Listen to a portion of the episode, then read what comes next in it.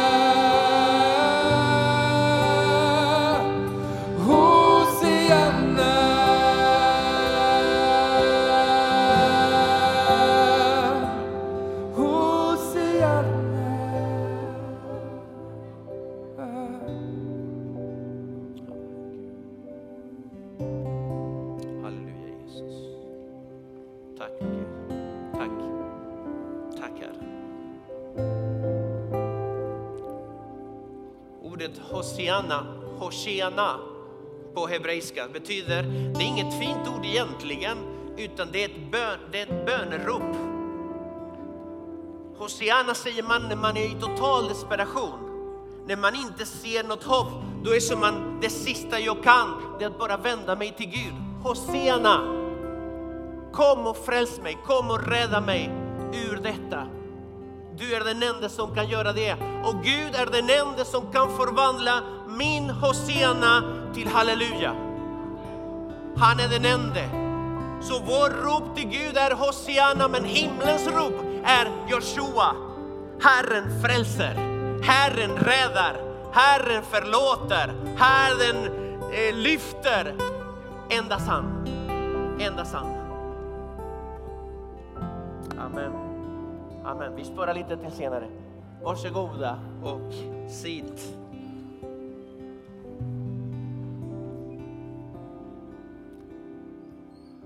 Tack eh, lovsångsteamet. Tack Alfred. Kan vi ge dem en, en, en stor applåd?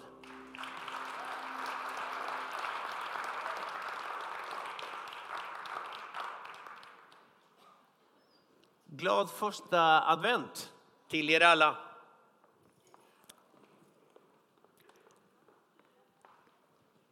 Och eh, du som är här för första gången, du är varm välkommen till, eh, till vår kyrka.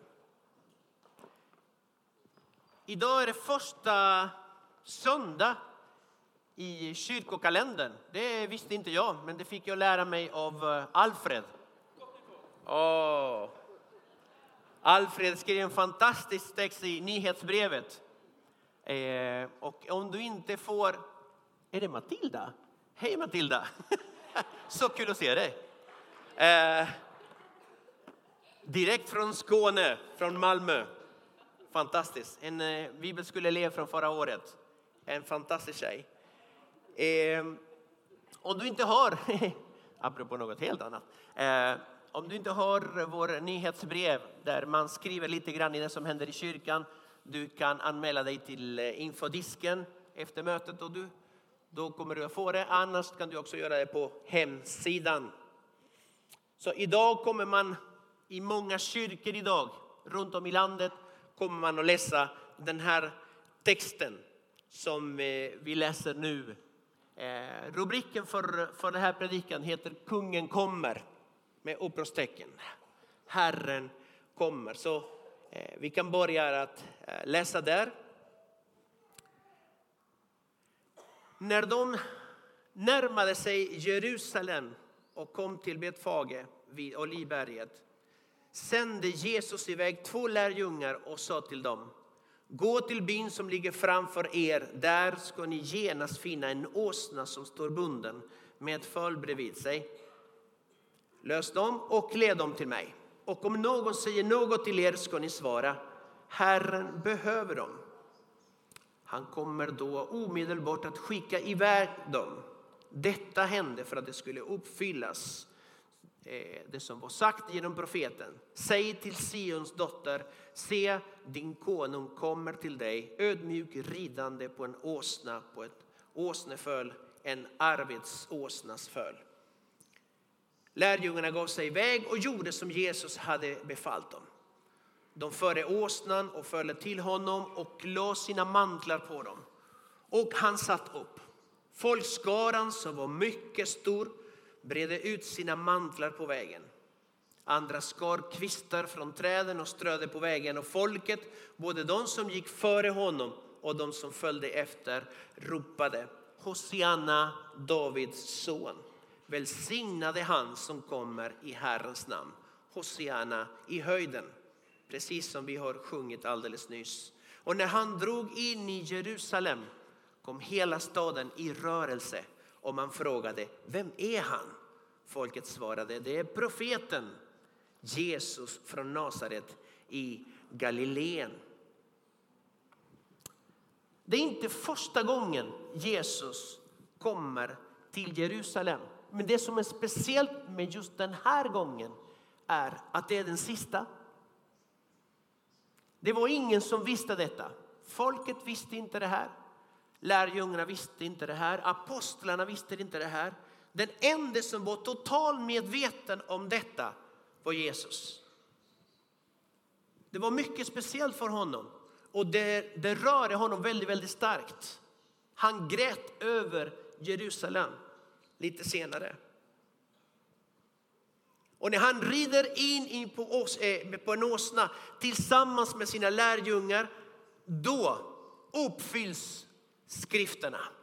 Och det som eh, profeten Sakaria hade skrivit 500 år tidigare. Att Messias skulle kliva in i Jerusalem ridande på en åsna.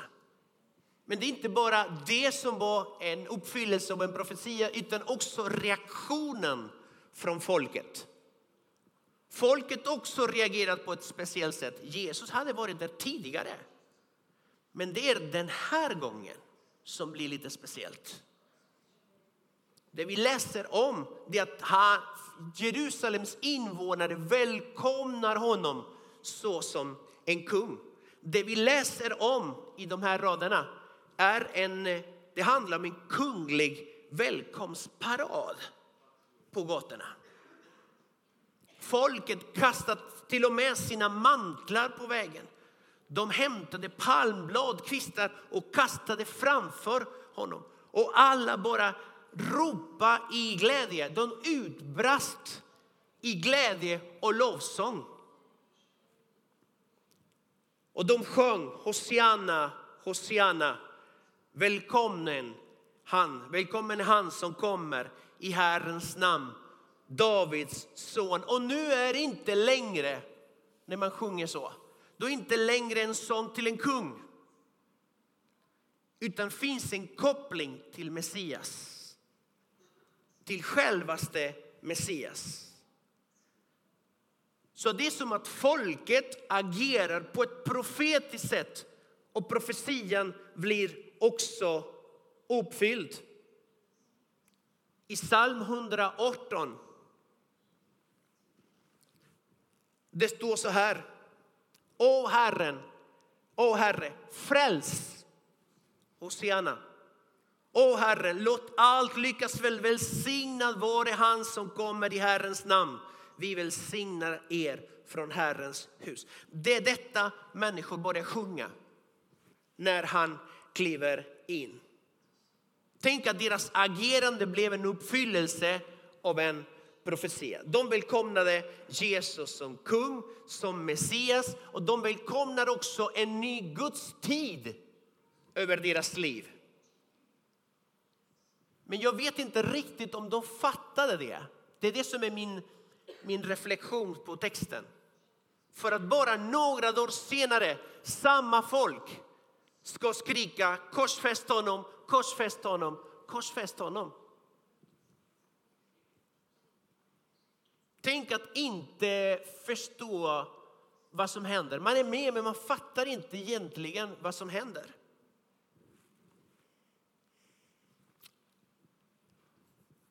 Har ni varit med om märkliga saker? Eh, jag har gjort det många gånger, men jag tänker bara på en, en, ett tillfälle. Och det var för några år sedan. Eh, eh, min fru Rosa och jag, vi hade välkomnats som pastorspar här i Citykyrkan. Och vi kände på något sätt att vi ville också um, anamma, omfamna det som Herren gör också i, eh, i missionslandet uh, Uganda. Och då har vi några från Uganda här. Ja, fantastiskt land. Eh, då kände vi att vi ville åka dit för just se vad församlingen gjorde där. Men också för att få in landet och folket i, i våra hjärtan. Så då åkte vi tillsammans med Paul, Therese, Wilberforce. Eh, och där fick vi träffa en kung. Ja, helt plötsligt hamnar man på en restaurang där kungen ville träffa oss. Och då är man där och tänker, men jag har inga kläder, liksom. jag visste inte riktigt vad, vad gör man här? Och då sitter vi där på restaurangen och väntar på att kungen skulle komma. Märklig situation. Helt plötsligt kommer soldater med k-pister. De ska säkra området. Jag tänkte okej, okay, okej. Okay. Och sen kommer några ministrar. Och en av dem berättar för oss att det finns ett kungligt protokoll. Det finns ett sätt att bete sig när kungen kommer. Alltså det var inga superkonstiga grejer man står upp och man gör sin grej. Liksom. Men det var ändå, man beter sig inte hur som helst när kungen kommer in. Eh, det som vi gjorde där det var att eh, församlingen skulle starta ett projekt, ett jordbruksprojekt som heter Just Earth.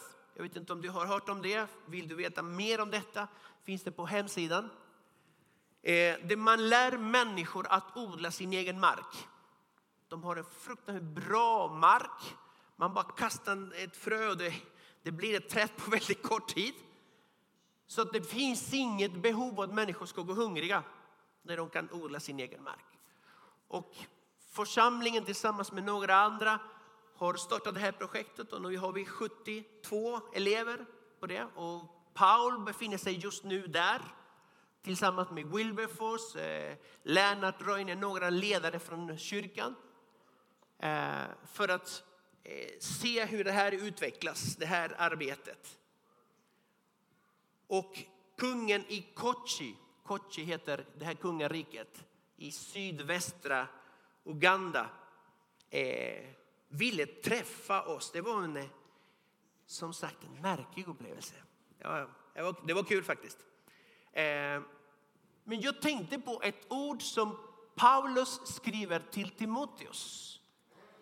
I eh, första Timoteus 3 och 15, den första delen av den texten, det står så här. Men om jag dröjer ska du veta hur man bör förhålla sig. En annan översättning står så här, hur man bör bete sig i Guds hus. Och då tänkte jag inte på vad man vad gör man om man inte gör i kyrkan, i byggnaden. Ja, man får inte springa, man får inte klättra upp på vägarna. Inte, det är inte det jag menar. Utan det jag menar är hur man bör bete sig i Guds närvaro. Det finns ett beteende, det finns en attityd inför Herrens ansikte. När kungen kliver in, hoppas att du inte har den där attityden, måste vi stå. Måste jag stå. Måste jag lyfta armarna. Måste vi sjunga den sången flera gånger? Måste vi? Att vi bara klaga inför Herren. Måste vi göra det här? För jag vet inte hur du skulle reagera om Jesus skulle kliva in genom de dörrarna, gå igenom och ställa sig där någonstans. Jag vet inte du, men jag skulle ställa mig upp. Jag skulle visa min börda, min respekt. Kungen, kungars kung, är här. Och detta händer varje gång vi samlas, mina vänner. Varje gång vi samlas, där två eller tre samlas i mitt namn, där kommer kungen in.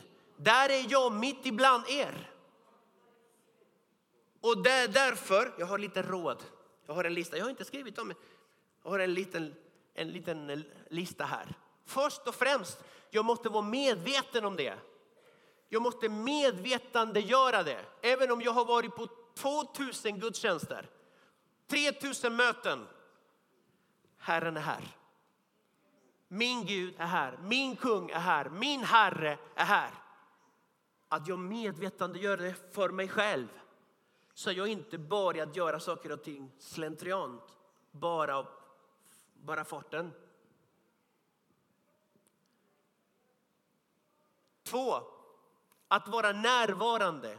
Jag är närvarande. Herren säger, här är jag. Men jag kan också svara och säga, här är jag också. Istället för att tänka på vad ska jag göra efter gudstjänsten och just det, jag har middagen och jag, just det, jag måste göra det och just det, på måndag måste jag göra det där och det där, just det. Och då är jag inte här. Tredje, tre, punkt nummer tre. Slappna av. Slappna av. Andas in, andas ut. Ta det lugnt. Bara så att man inte börjar liksom stressa något utan bara slappna av. Herren är här. Fyra, ha inte bråttom. Gud har inte bråttom, han är inte stressad. Han kommer för att möta dig. Fem, smaka och se att Herren är god. Njut av det. Njut att Herren kommer in. Fantastiskt att han vill ha audiens med mig. Lilla jag får vara inför kungen. Sex. Titta inte på vad andra gör. Titta vad konstigt hon beter sig Oj, och vad han gör. Hon står. Han räcker upp händerna. Måste man? Titta inte på... Din uppmärksamhet ska vara på att Herren är här. Herren är där framför dig. Vad andra gör, det är deras problem. Så tänk inte på andra. Fokusera mer, punkt nummer vad är det? Sju, åtta. Fokusera mer på Herren och mindre på dina känsloupplevelser. Vad jag känner eller inte känner. Man kan känna väldigt mycket eller inte. Han är där ändå. Gud är inte här för att vi känner att han är här. Han är här för att han har lovat att vara här. Så han är här oberoende vad vi känner. Men ibland kan det upplevas mycket, ibland mindre. Men han är lika mycket här. Och sist, agera med vördnad och respekt. Det är det som är sann Guds fruktan. Jag vet vem han är och han är här.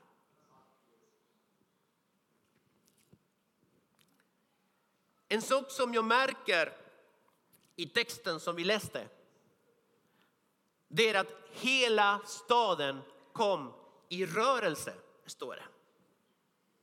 Och det här är så typiskt Jesus på något sätt. När han kliver in någonstans, det är som att det sker en ommöblering, någonting händer, saker och ting fortsätter inte bara som vanligt. Kungen har klivit in och han förvandlar atmosfären, han förvandlar miljön, han förvandlar vad han än går in. Och han förvandlar det med sin närvaro. Han förvandlar saker och ting med sin kraft. Han förvandlar med sin kärlek, med sin nåd. Han förvandlar saker med sin röst. När han talar. Saker och ting blir inte detsamma. Och jag märker i samtalen som Jesus har längs hela alla evangelierna. Människor möter honom och det händer något. Bibeln säger att han har inte förändrats. Ett amen på det. Han har inte förändrats, han är densamme. Det innebär att idag är han här och han kan förvandla vilken situation som helst. Så du kan ropa från din situation, Hosianna. Och Gud kommer alltid svara, Jesus är svaret.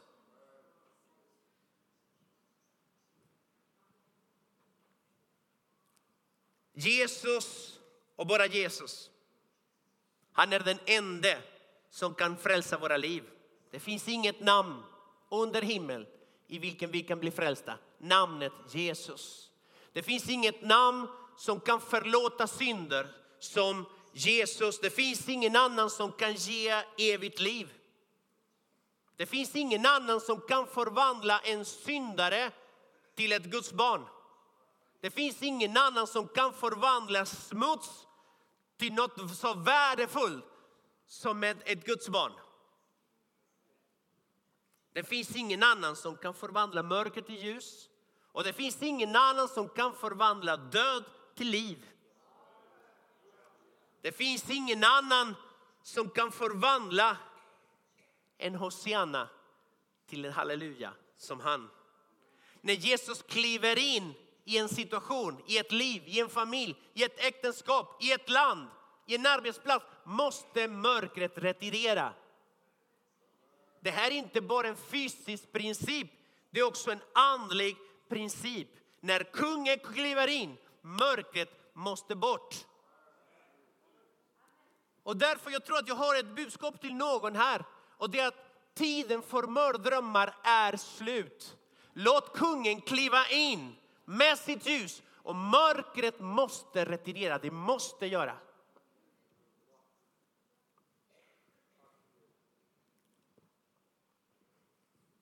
Folket agerar när kungen kommer in. Och det blir glädje, spontant jubel. Tänk om vi skulle göra idag detta. Det skulle ha effekter. Inte bara i våra liv utan även i våra familjer, i våra äktenskap, på våra arbetsplatser, i grannskapet.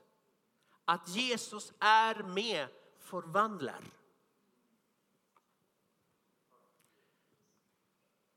När vi får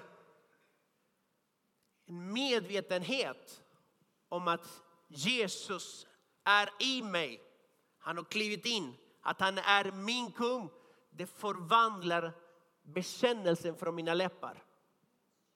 När Jesus är Herre och kung i ditt liv, då, tyck, då slutar du att tycka synd om dig själv. Utan jag är ett kungabarn. Jag är älskad. Hans uppmärksamhet är riktad mot mig. Han är min kung, han är min herre. Oberoende vad djävulen viskar i ditt öra, oberoende hur du känner dig, oberoende vad omständigheterna säger. Bekännelse på dina läppar är han är min kung. Och det intressanta är att Jesus han kommer inte bara på besök, typ han går förbi, utan han kommer för att stanna. Han säger så här, Sions dotter, säg till Sions dotter, eh, säg till Sions dotter, din konung kommer till dig. Han kommer inte till alla, han kommer till dig.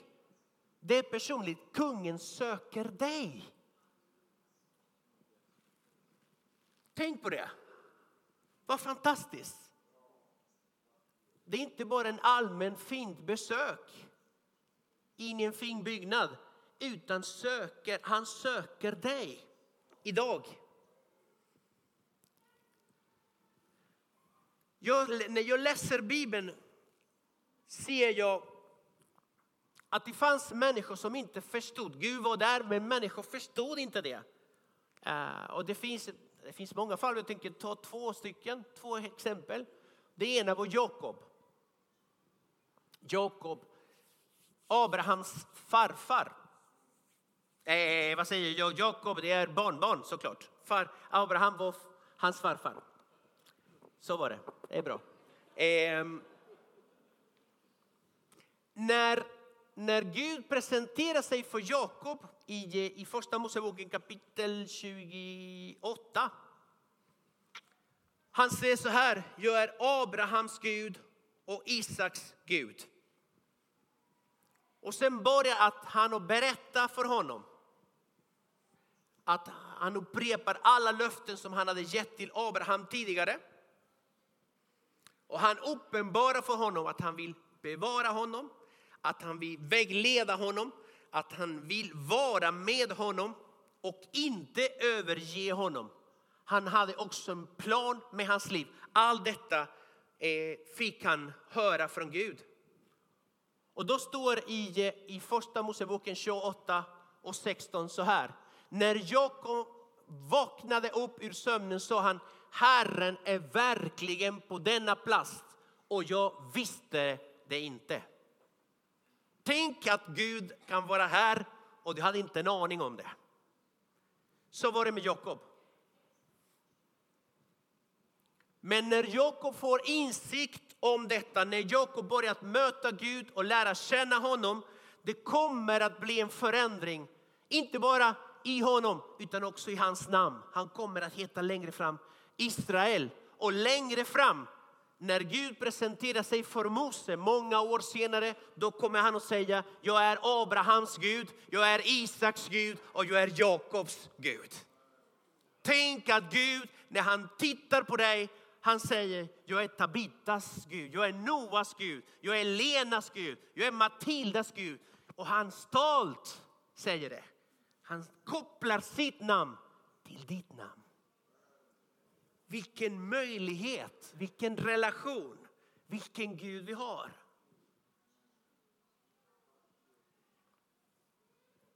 Någon annan som inte förstod att Gud besökte dem, att de inte förstod besökelsetiden från Gud. Det var, det var ett folk och det var folket i Israel, folket i Jerusalem under Jesu tid. Han säger i Lukas 19, 41 och 42 så här. När Jesus kom närmare och såg staden brast han i gråt över den och sa Tänk om du idag hade förstått. Också du vad som ger dig verklig frid. Men nu är det dold för dina ögon. Att inte förstå det. Tänk att inte förstå den friden du söker finns hos Gud. Min frid ger jag er, inte som världen ger det. Det är en frid som övergår vårt förstånd. Den friden kan du finna hos Jesus. Men nu ska vi inte vara så negativa, det finns de som också som förstod. Och jag tänkte på den blinde Bartimeus. Bartimeus. Han såg, den blinde såg, den blinde såg ett tillfälle. Och det, det var det han hörde att Jesus skulle gå förbi, att Jesus passerade. I Markus 10 står det så här, eh, vers 47 till 48. Då han fick höra att det var Jesus från Nasaret som kom började han ropa Jesus, Davids son, förbarma dig över mig. Många sa till honom sträng att han skulle tiga. Men han ropade ännu högre. Davids son, förbarma dig över mig. När han förstod vem han med att Gud var på gång, att Gud kom till Jeriko, till hans stad, att han gick förbi. Han passade på. Kungen är här. Förbarma dig, Davids son, Messias. Förbarma dig över mig. Och Jesus som är aldrig för stressad. Och Jesus som är aldrig, han har aldrig för bråttom.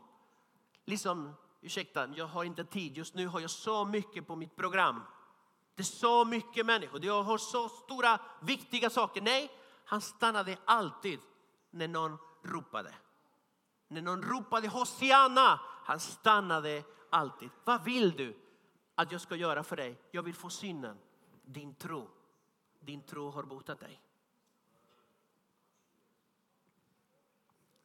Väntans tid i mörkret var över. Äntligen, nådens år är här. Och han fick sin syn och ett möte med kungen. Andra som förstod också det, det är Isaskars barn, Isaskars söner. Isaskar det är en stam i eh, Israel, en av de tolv. Och det närmar sig en ny tid. Det är tid för en ny kung. Eh, och då står så här att de fattade beslutet, de här stammarna, att de, de hade fattat beslutet att göra David till kung. Det var dags för en ny kung. Och då sägs det så här i första krönikeboken 12 och 32. Av Israels söner kom män som väl förstod tidstecknen och insåg vad Israel, Israel borde göra. I en annan översättning står det så här att de kunde tyda tidens tecken och agerade därefter. Eh, man, I första krönikeboken kapitel 12 kan man läsa om eh, vad alla stammar gjorde. De samlade folk, många soldater, över 300 000. Det var en jättearmé. Och då börjar man att beskriva stammarna och eh, hur frimodiga de var, vilken utrustning de hade, eh, eh, hur många soldater det handlade om. Men när man kommer till Isaskar då nämns att de hade andlig skärpa. De hade andlig skärpa. De förstod Guds tid. De förstod att Gud håller på att göra något nytt. Det är dags att göra något nytt. Och inte bara att de förstod. De satte den förståelse och den insikten eh, i, i, i handling. De tillämpade, de agerade därefter.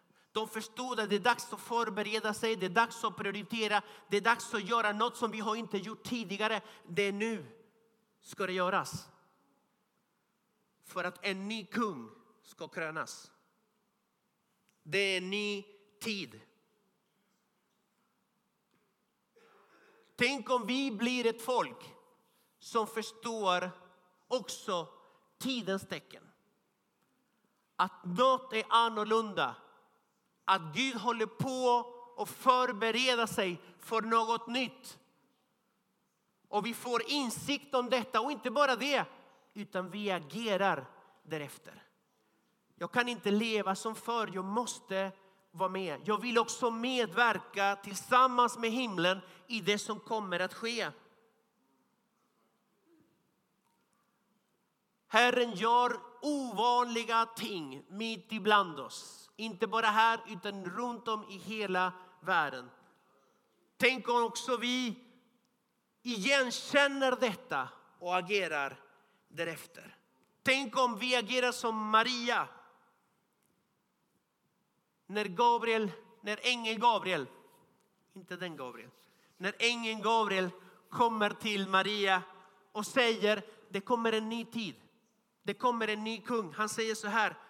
Jesus, han ska vara konung över Jakobs hus för evigt och hans rike ska aldrig ta slut. Hennes respons i Lukas 2.38 är Se, jag är Herrens tjänarina.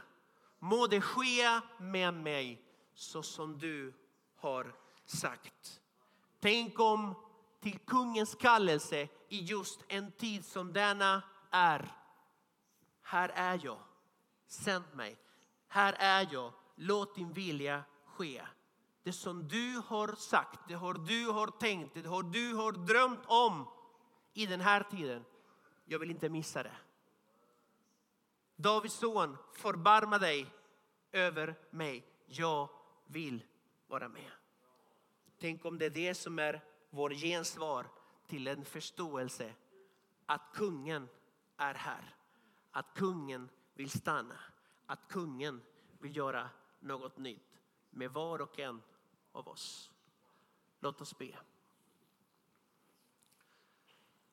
Herre Jesus, vi eh, tackar dig.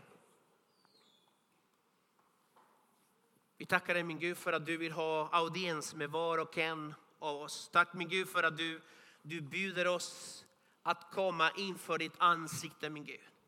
Tack min Herre för möjligheten att komma till nådens tron med våra behov min Gud. I vetskap att du inte bara lyssnar utan du också vill agera. Tack min Gud för att din hand har inte blivit förkortad utan det är fortfarande utsträckt för att hjälpa oss, för att lyfta oss, för att styrka oss min Gud, för att bevara oss, för att beskydda oss. Tack Jesus för allt vad du är för var och en av oss. Men låt oss, hjälp oss att medvetandegöra detta. Att du är våran kung och Herre. Amen. Amen. Vi kommer att ha nattvarden om en liten stund.